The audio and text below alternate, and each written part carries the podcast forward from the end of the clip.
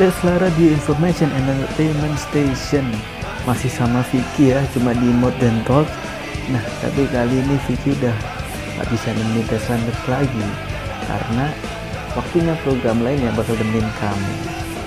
Nah tapi listeners jangan khawatir karena besok kita bakal ketemu lagi di jam yang sama setiap hari Senin sampai Jumat ya.